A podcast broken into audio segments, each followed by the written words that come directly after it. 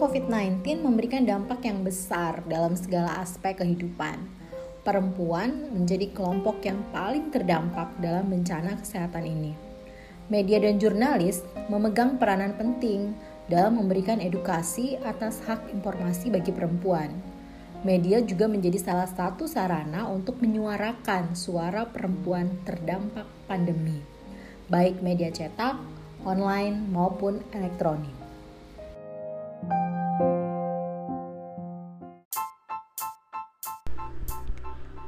Halo, aku Betty. Welcome to my podcast.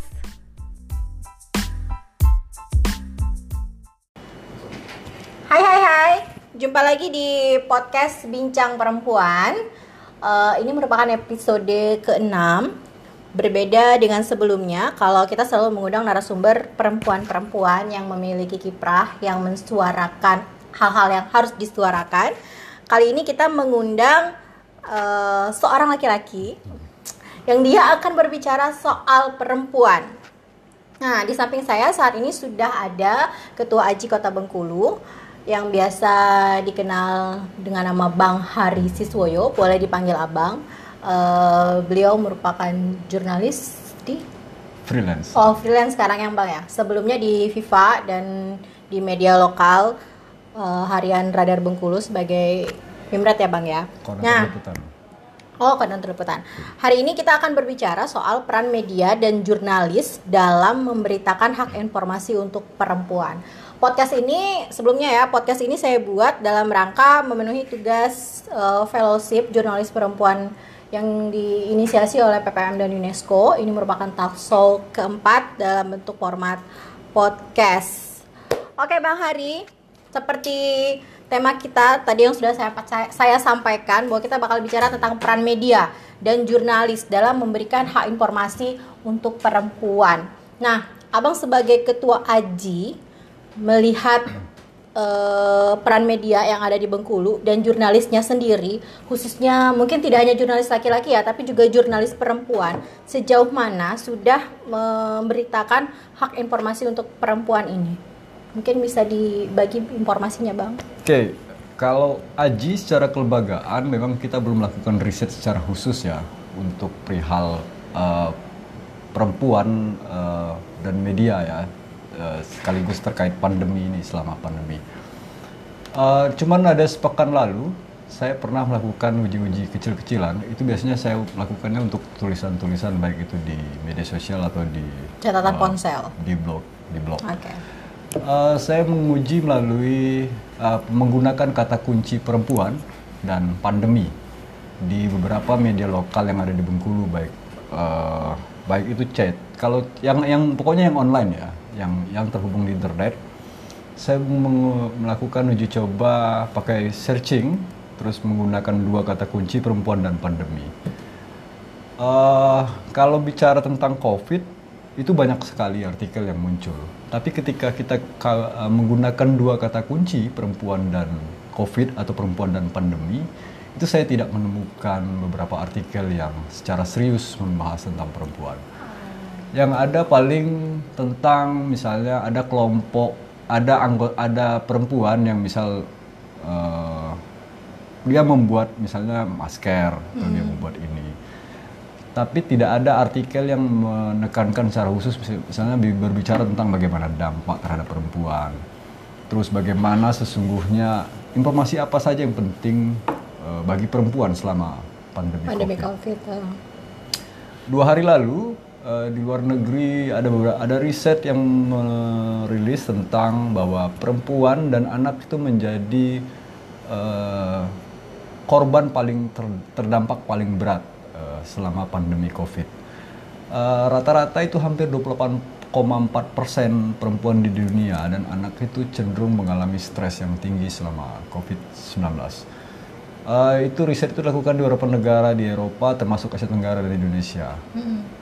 Uh, saya sulit, kesulitan sekali menemukan artikel yang secara serius ya. Berarti kalau menurut anggapan saya, saya menilai bahwa memang beberapa media kita uh, di Bengkulu belum secara spesifik serius uh, memporsikan tentang isu perempuan atau apa pun yang terkait perempuan dan pandemi. Itu menurut pandangan saya. Isunya kurang seksi berarti bang ya? Bukan kurang seksi sebenarnya, tapi media kita itu kecenderungannya lebih kepada ini ya, uh, bahwa COVID ini lebih daripada beritakan misalnya soal berapa jumlah korban yang naik positif, terus berapa yang telah melakukan usap tes dan sebagainya. Tapi tidak membahas secara spesifik misalnya dampak kepada ini ya, individual, oh. khususnya pada perempuan. Misalnya begini, uh, kita tidak menemukan saya kesulitan menemukan artikel yang mendalam mengenai misalnya bagaimana dampak para perempuan baik itu yang di perkotaan atau di desa bagaimana mereka menyiasati selama COVID-19 yang memaksa mereka itu harus bekerja dua kali lebih berat di rumah misalnya. Sudah pulang kantor mereka harus mengurus anak untuk urusan sekolah yang sini uh, sekolahnya sistem online seluruhnya itu beban ganda, beban ganda kantor, beban ganda di rumah, beban ganda mengurus suami itu menjadi berlapis-lapis dialami oleh para perempuan. Hmm. Nah, saya pikir hal itu penting disampaikan karena uh, ini dampaknya luar biasa bagi para perempuan ya. ya bang. Nah sayangnya memang kita di media itu cenderung memberitakan tentang berapa jumlah korban COVID, terus apa langkah yang dilakukan pemerintah dan sebagainya. Tidak ada yang secara spesifik serius membahas dampak uh, kepada perempuan. Hmm. Itu yang kalau pandangan saya begitu mungkin. Berarti ini masih menjadi PR kita bersama ya Bang ya untuk mendorong supaya newsroom bisa melihat isu informasi, akses informasi bagi perempuan ini hmm. uh, menjadi hal yang sangat penting untuk dibahas. Ya, ini PR besar sebenarnya. Uh, sebenarnya bukan cuma terjadi di Bengkulu, tapi hampir di secara menyeluruh di Indonesia. Walaupun ada beberapa media yang memang secara serius ya membahas tentang perempuan dan selama pandemi COVID. Uh, ini problem besarnya mengapa menjadi PR besar begini? Karena ini konstruksinya itu harus dibangun mulai dari levelan media, mm -hmm. terus ideologi medianya juga harus sensitif gender Terus di newsroomnya, misalnya juga harus sensitif gender. Jadi tidak semata membicarakan tentang dampak atau hal-hal yang umum saja, tapi harus lebih sensitif gender. Setelah lapis itu, berikutnya adalah tentang jurnalisnya. Jurnalisnya kita harus akui, sensitif gender itu sangat kurang sekali. Satu mungkin bisa jadikan tidak ada pembekalan secara serius di media yang uh, tempat mereka bekerja atau mungkin jurnalisnya tidak mengupgrade diri ya, hmm. mencari pelatihan-pelatihan ber apa sih bagaimana sih menulis berita yang sensitif gender? Bagaimana sih memiliki perspektif tentang isu-isu gender yang lebih pada isu perempuan atau isu yang lebih ini ya uh, akar rumput. Hmm. Nah kecenderungan kita itu kenapa saya lihat di media hari ini ada nama penyakit uh, sebutannya itu namanya cyberkondria. Cyberkondria itu atau doom, doom scrolling. Kalau dulu orang nyebutnya doom scrolling. Doom scrolling itu adalah itu apa, Bang? karena kecenderungan ini, kecenderungan media kita itu memberitakan soal misalnya jumlah korban COVID oh, ini sekian sekian sekian positif okay. dan sebagainya ini ini itu selalu yang diberitakan oleh uh, media massa. Tapi itu menutup bagaimana kita cara mencari solusi ya. Akhirnya publik itu yang muncul itu adalah ketakutan, kewaspadaan, stres, khawatir dan sebagainya. Nah, kalau doom scrolling itu jadi misalnya gini, kalau kita punya handphone, itu tiap pagi itu kita akan scroll terus. Apa oh, sih hal yang terbaru tentang COVID, COVID mm. misalnya? Oh ini ada jumlah korban sekian, terus ini, oh ini akan menyebar lewat udara, oh ini akan menyebar itu akan memunculkan ketakutan tiap hari, hmm. dan bahkan itu akan berefek misalnya sampai ke media sosial kita mengupdate status mengenai COVID yang kematian, dan kasus, sebagainya kasus baru. Ini, ya. Nah, kalau cyberkondria itu sebenarnya sama dengan doom scrolling. Dia mirip uh, ini ya, ketakutan yang disebarkan lewat media massa. Jadi kita orang-orang kita tuh akhirnya takut, khawatir, tidak pernah diedukasi mengenai sebenarnya kita harus bangkit dari COVID. Nah, penting sekali selain sensitif gender juga harus membangun tentang informasi, menyampaikan informasi yang positif harus dan memberikan positif harapan. dan bangkit. Kita harus bangkit oh. dari ini. Nah, bagaimana bangkit itu? Saya, kita bisa melihat dari misalnya dari banyak sektor. Kalau dari sektor perempuan misalnya ada banyak perempuan-perempuan yang hari ini mengalami beban ganda, ternyata mereka survive dan bertahan. Dan mereka bisa menginspirasi. eh, di desa-desa misalnya yang kami temui misalnya eh, ada orang-orang desa hari ini yang ladang mereka sudah tidak laku lagi, hasil panen mereka tidak laku, itu ambil diambil alih oleh para perempuan dan mereka bisa bangkit untuk bertahan eh, menyelamatkan ini ya kehidupan keluarga mereka. Jadi tidak bergantung kepada laki-laki. Nah di perkotaan sangat mungkin ada banyak sekali para perempuan yang juga bisa menginspirasi bahwa mereka bisa bangkit. Hari ini banyak penjual online ya di media Iya. eh, media sosial. Itu seluruhnya hampir sebagian besar dilakukan oleh para perempuan. Seandainya kita mendedah itu secara apik di media massa, saya yakin publik lain akan terinspirasi bahwa oh iya kita harus bangkit dari COVID ini. COVID ini jadi masalah, tapi bukan berarti kita selesai hari ini. Kita harus hidup kembali. Itu saya pikir untuk ini ya. Berarti ada dua yang di highlight bang ya dari media mainstream bahwa kurangnya sensitivitas gender Ya. itu di newsroom eh, dengan eh, kurangnya berita-berita yang sifatnya edukatif memberikan harapan. Ya. Rata-rata berita yang muncul di media mainstream itu hopeless. Ya. Oke, angka kematian terus bertambah dan kemungkinan besok-besok bisa terpapar COVID. Ya, Itu tinggal menimbulkan kecemasan di publik. ya. Nah, teman-teman di Aji sendiri ada upaya tidak bang me- apa, membuat eh, newsroom tadi menjadi lebih ramah gender dan bagaimana mendorong supaya media-media main- mainstream bisa untuk mengeluarkan berita-berita yang sifatnya eh, informatif, memberikan harapan, tidak menakut-nakuti, mungkin. Oke, eh, jauh sebelum COVID, Aji telah membuat semacam workshop kecil-kecilan ya, kita untuk agar jurnalis itu sensitif gender. Isu gender itu bagaimana? Nah, itu sudah dilakukan. Memang tidak seluruh jurnalis yang bisa ikut, tapi itu eh, bagi kami sebagai benteng awal bahwa misalnya kita jurnalis ini harus sensitif gender. Eh, secara nasional, Aji memang mengkampanyekan ada kampanye khusus mengenai isu-isu perempuan ya, Eh, dampak perempuan dan anak perempuan hari ini eh, harus menjadi apa ya fokus serius di media massa. Eh, kita membuat semacam protokol juga untuk jurnalisnya. Ada protokol-protokol khusus eh, bagaimana meliput COVID itu ada protokol tersendiri, baik itu dari untuk safety prosedur bagi jurnalisnya ataupun bagaimana mengarahkan isu-isu yang eh, cenderung isu-isu positif ya. Jadi tidak semata mengabarkan ketakutan-ketakutan, kita harus membangunkan eh, juga mengabarkan hal-hal yang eh, positif. Positif dan memberikan harapan. Nah, tapi sebelum tadi, Bet, saya mau menambahkan begini. Jadi ada redaksi, eh, ada medianya dulu yang harus harus sensitif gender. Setelah itu diturunkan ke newsroom, di, di redaksi, terus di jurnalisnya.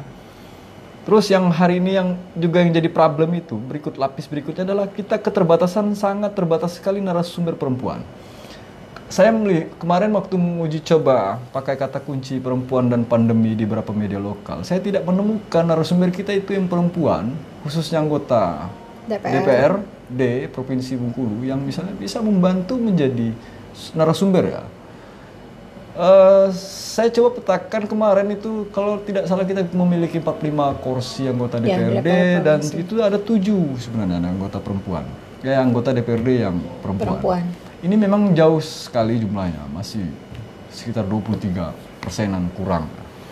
Nah, semestinya selain jurnalisnya juga, narasumber kita, baik itu yang khusus yang anggota DPRD, khusus mewakili rakyat ya, terus juga misalnya ada akademisi-akademisi yang bisa ikut berbagi juga. Jadi tidak harus menunggu jurnalis. Jurnalis sudah kelimpungan misalnya mencari artikel, mencari bahan, mencari proyeksi dan sebagainya. Yang mestinya ada beberapa orang yang bisa menginspirasi, misalnya mulai dari anggota DPRD, akademisi juga ikut bersuara.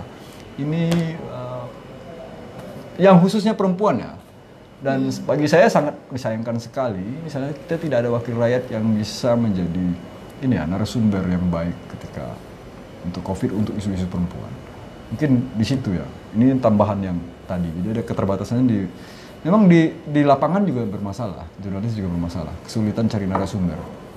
Jadi kalau dulu ada anggapan adalah media itu adalah male site atau situsnya laki-laki, maka memang benar sesungguhnya memang terjadi seperti itu.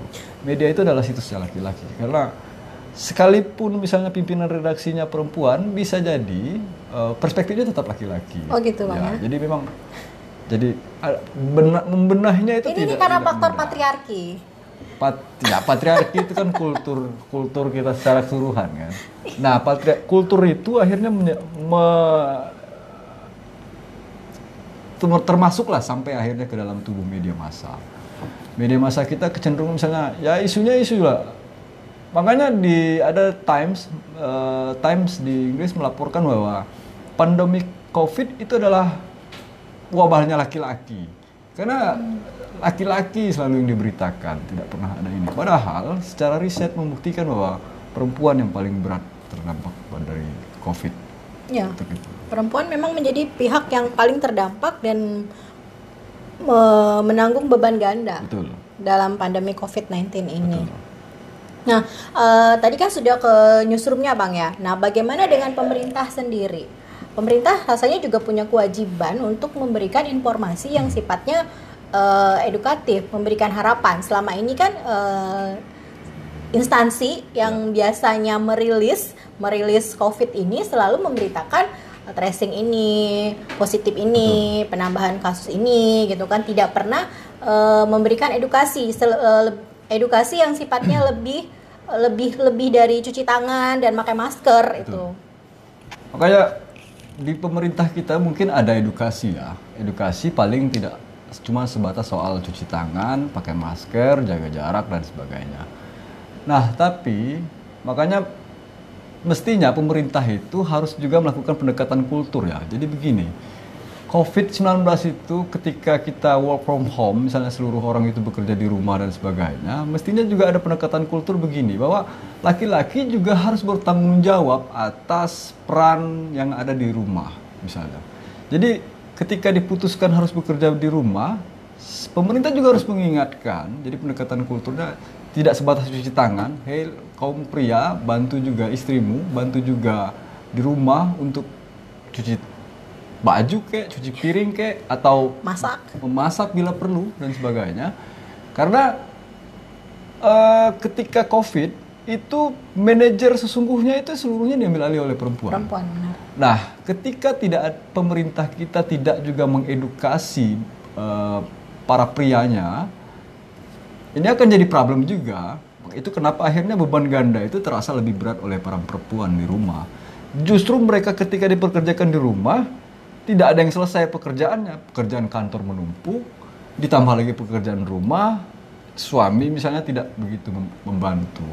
Jadi protokol COVID itu tetap harus diperlak- dilakukan misalnya cuci tangan, masker dan sebagainya, Physical tapi juga distancing. harus diingatkan kepada eh, rumah tangga bahwa tidak seluruh beban itu jangan dibebankan seluruhnya kepada perempuan. Nah, itu butuh bantuan dari pemerintah untuk melakukan pendekatan kultur. Jadi edukasinya itu semacam edukasi kultur bahwa laki-laki juga harus punya peran selama Covid ini bahwa misalnya membantu memasak, membantu mengasuh anak ke atau apa ke. Nah, ini jangan sampai dilupakan.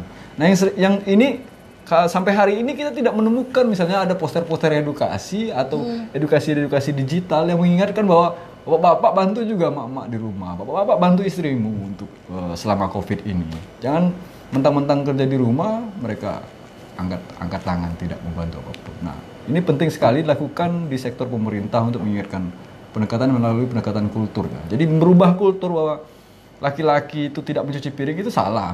Tapi di rumah itu harus juga mencuci piring ketika apalagi pas Covid ini. Jangan seluruhnya bebankan kepada istri.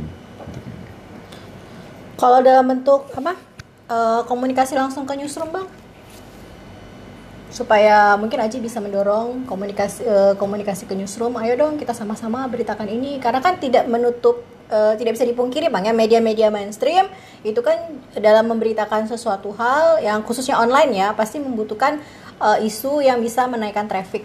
Nah, nah mungkin dengan isu-isu perempuan ini eh, hak akses informasi untuk perempuan ini eh, di trafficnya tidak terlalu menggigit gitu. Ya, begini. Ada konsepsi bahwa bad news is good news Hmm. atau good news is good news and bad news also good news katanya.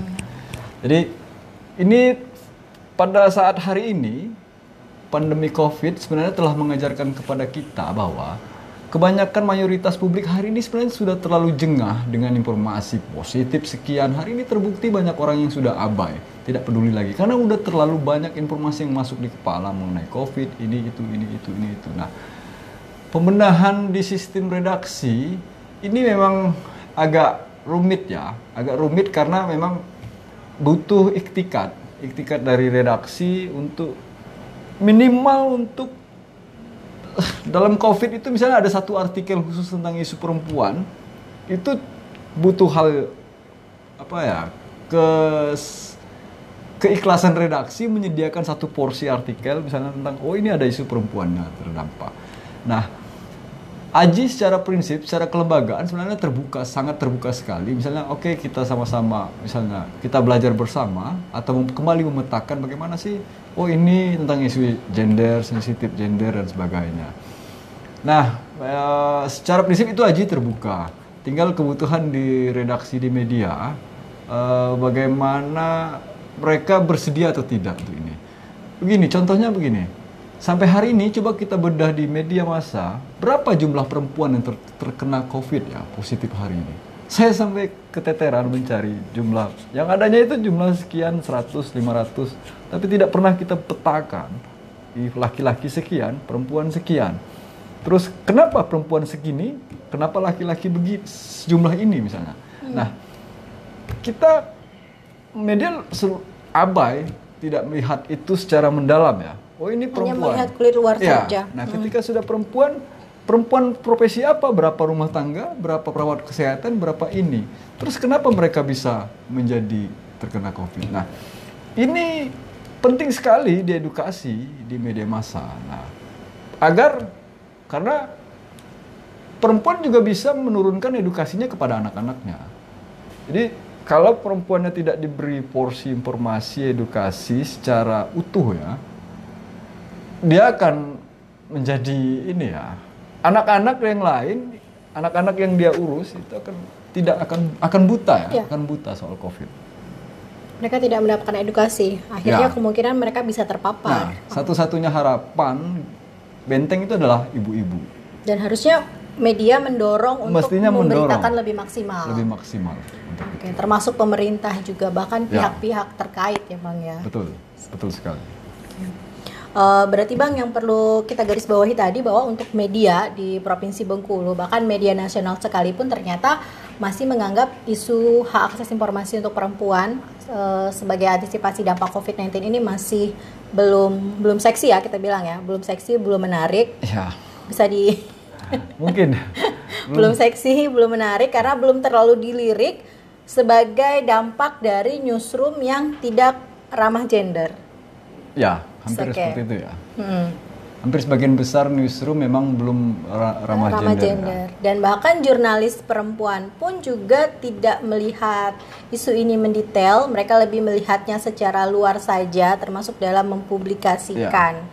Dan ini memang menjadi PR bersama-sama untuk uh, ke depan supaya hak akses informasi untuk perempuan ini hmm. lebih di maksimalkan lagi di media karena balik-balik lagi ke tadi, tadi bahwa perempuan merupakan benteng pertahanan ya. di rumah ketika dia pandemi COVID-19 dia yang menjadi manajer untuk makanan, dia menjadi uh, perawat di rumah, Betul. dia yang harus mengatur keuangan, Bang ya.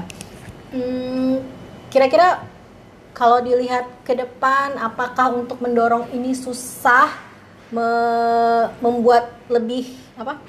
Mendorong supaya ini menjadi isu yang kuat gitu, Bang mungkin apa ya jurnalis kayak saya sendiri sebagai perempuan mungkin masih termasuk jurnalis perempuan yang tidak ramah gender mungkin bang ya. Tapi saya saat ini sedang belajar untuk lebih sensitif gender dengan isu-isu perempuan. Uh, apa gitu upaya yang bisa kita lakukan supaya ini bisa menjadi perhatian bersama gitu bang? Khususnya di media-media mainstream. Oke, media itu punya agenda setting kalau dulu ada, ada agenda setting. Jadi agenda setting itu misalnya jadi mulai dari agenda uh, media, terus agenda publik, terus meloncat lagi jadi agenda kebijakan. Dia ada tiga, tiga step ya. Agenda media itu artinya begini. Jadi misalnya kalau misalnya media massa itu memberitakan seluruh tentang COVID, terus kalau spesifik lagi tentang isu perempuan, maka dia akan menjadi agenda media. Dengan catatan begini, misalnya baik itu dia berdiri sendiri ya, media sendiri, perusahaan sendiri, atau banyak media A, B, C, D keroyokan tentang membahas isu perempuan. Kalau seluruh media membicarakan ini, maka dia akan naik, akan menjadi agenda publik. Agenda publik ini begini artinya, setiap orang akan ngeh, setiap orang akan, oh hari ini ini lagi, oh besok ini lagi. Isunya selalu, jadi di kepala masing-masing orang itu akan mulai kepikir bahwa oh ini ada perempuan yang juga terdampak COVID. Berarti kita harus Nah, bikin media sendiri bang ya?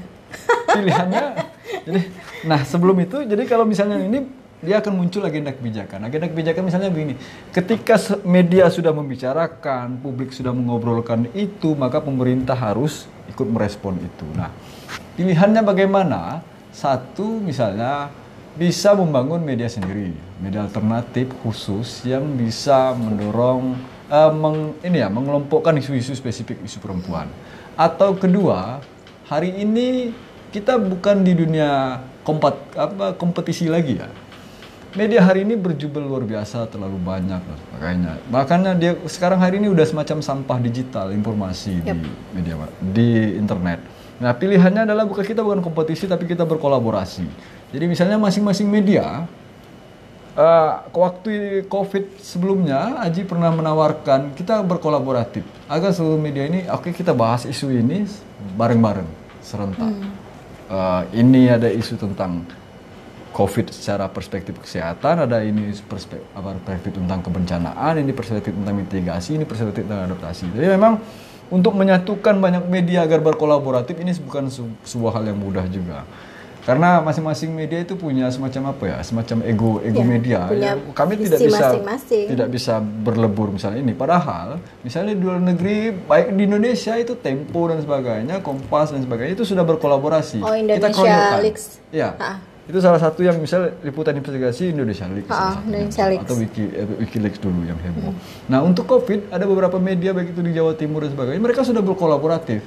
Berkolaboratif kita keroyokan isunya. Jadi proyek ruang proyeksinya itu tidak sempit, proyeksinya itu udah skala besar. Jadi media ini, media ini, media ini bergabung membuat ruang newsroom besar lagi untuk mengeroyok isu ini, isu besar Sehingga lebih dalam liputannya bang ya? Ya. Masalah contohnya gini, kemarin ketika saya lupa sekitar bulan April atau bulan Mei, eh, kelompok dari eh, Women Crisis Center pernah meriliskan bahwa ada peningkatan kasus kekerasan dalam rumah tangga selama Covid. Ada sekitar lonjakannya sekitar berapa persen saya lupa angkanya. Tapi itu mengejutkan sebenarnya. Tapi karena media tidak aware, akhirnya isu bahwa lonjakan kekerasan terhadap perempuan selama COVID itu tenggelam habis dengan misalnya isu tentang positif sekian, jumlahnya sekian. Nah, itu yang sering terabaikan karena dianggap tidak seksi tadi.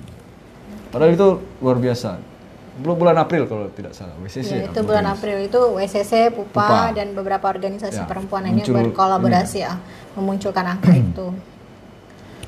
Hmm, Oke Bang Hari, ternyata PR kita ini masih banyak sekali, eh, khususnya untuk memberikan hak akses informasi untuk perempuan. Mungkin ada sedikit closing statement Bang yang mau disampaikan. Eh,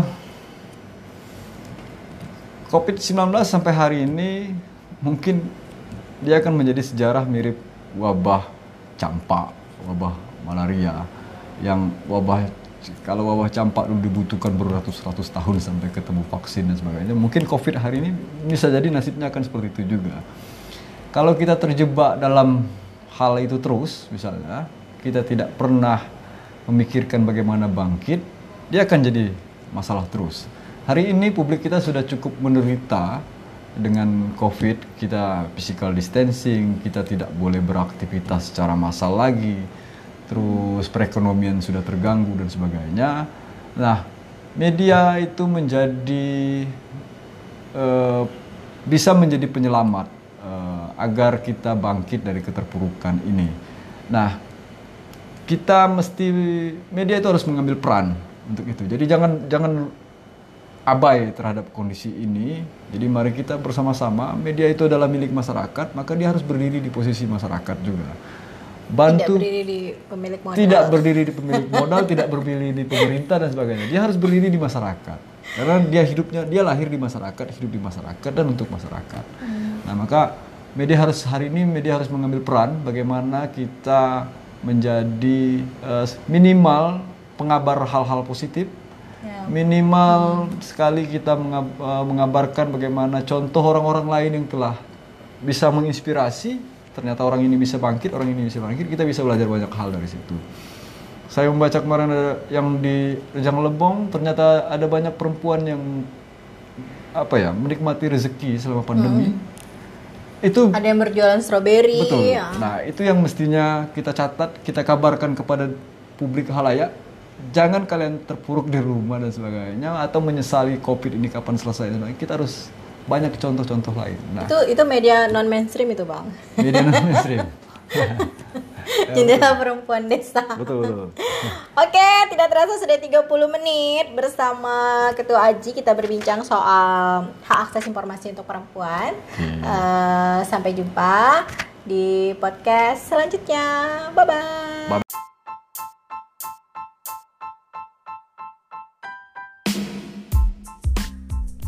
Oke, itu tadi podcast aku Semoga bermanfaat buat kita semua.